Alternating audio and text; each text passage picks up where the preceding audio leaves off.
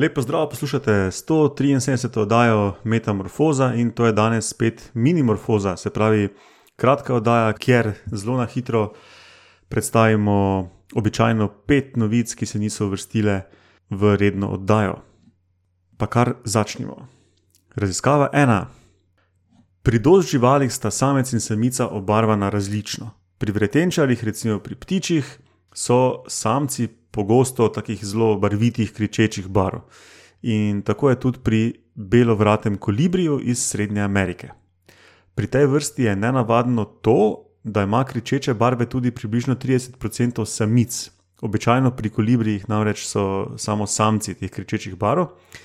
No, in raziskovalci so pričakovali, da ima taka podnarekovaji moška obarvanost samic neko funkcijo pri spolni selekciji, torej pri izbiri partnerja. V novi raziskavi pa ugotavljajo, da kričeča obarvanost pri samicah ni povezana z izbiro partnerja, ampak je kričeča obarvanost rezultat socialnih interakcij.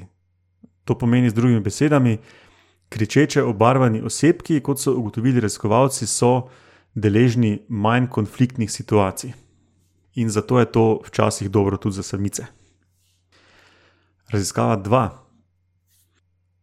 Nekatere živali se premikajo iz drevesa na drevo, se pravi med krošnjami, čeprav ne morejo leteti. Se pravi, take živali med drevesi skačajo in jadrajo. Te živali zato nimajo kril v pravem pomenu besede, in zato je pristanek ob teh skokih pogosto trd. Da je ta pristanek manj trd, imajo specializirani jadravci krilom podobne kožne tvorbe, ki jih razprejo med skokom in s tem zmanjšajo hitrost. V novi razkavi pa so bolj podrobno pogledali ene kuščarje, jadralce iz jugovzhodne Azije, ki pa niso posebej specializirani jadralci, ampak vseeno skačejo sem in tja iz drevesa. Ne? Se pravi, nimajo teh kožnih gub, ki, so, ki bi jih razprli in so podobne krilom. No, in raziskovalci ugotavljajo, da pristanek pri teh kuščarjih je pa dobesedno trd, ne pikirajo na glavo, ampak kako se pa sploh obdržijo na deblih, eh, ob tem trdem pristanku pa ugotavljajo, da ima pri tem ključno vlogo rep.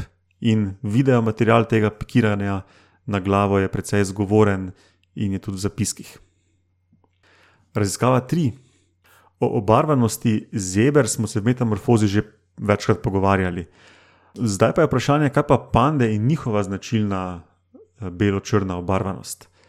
No, in v novi raziskavi so našli podporo hipotezi, ki res ni najbolj intuitivna, in sicer da belo-črna obarvanost pri pandah bi naj služila kamuflaži. Raziskava 4. Jajca ptičev so razno raznih oblik, in čeprav so matematiki dolgo poskušali najti formulo, ki bi bila uporabna za vse njihove oblike, je do zdaj niso našli, niso bili uspešni. No, v novi raziskavi pa so rešili tudi ta problem. Predstavljajo matematično formulo, ki jo lahko uporabite, da izračunate obliko, prostornino, menda čisto vseh ptičjih jajc na planetu. In zato potrebujete samo štiri meritve jajca. In še raziskava pet. Ose in sršeni pogosto napadajo čebelje panje, čebelje skupine. Azijske čebele so dobro znane po celi vrsti ukrepov, s katerimi se branijo pred sršeni, v novi razkavi pa razkrivajo, kako se čebele ob napadu sršeno sporazumevajo. In sicer ugotavljajo, da imajo posebne alarmne zvoke, alarmne klice, ki jih ne uporabljajo v noben drug namen, ampak samo za opozorilo pred sršeni.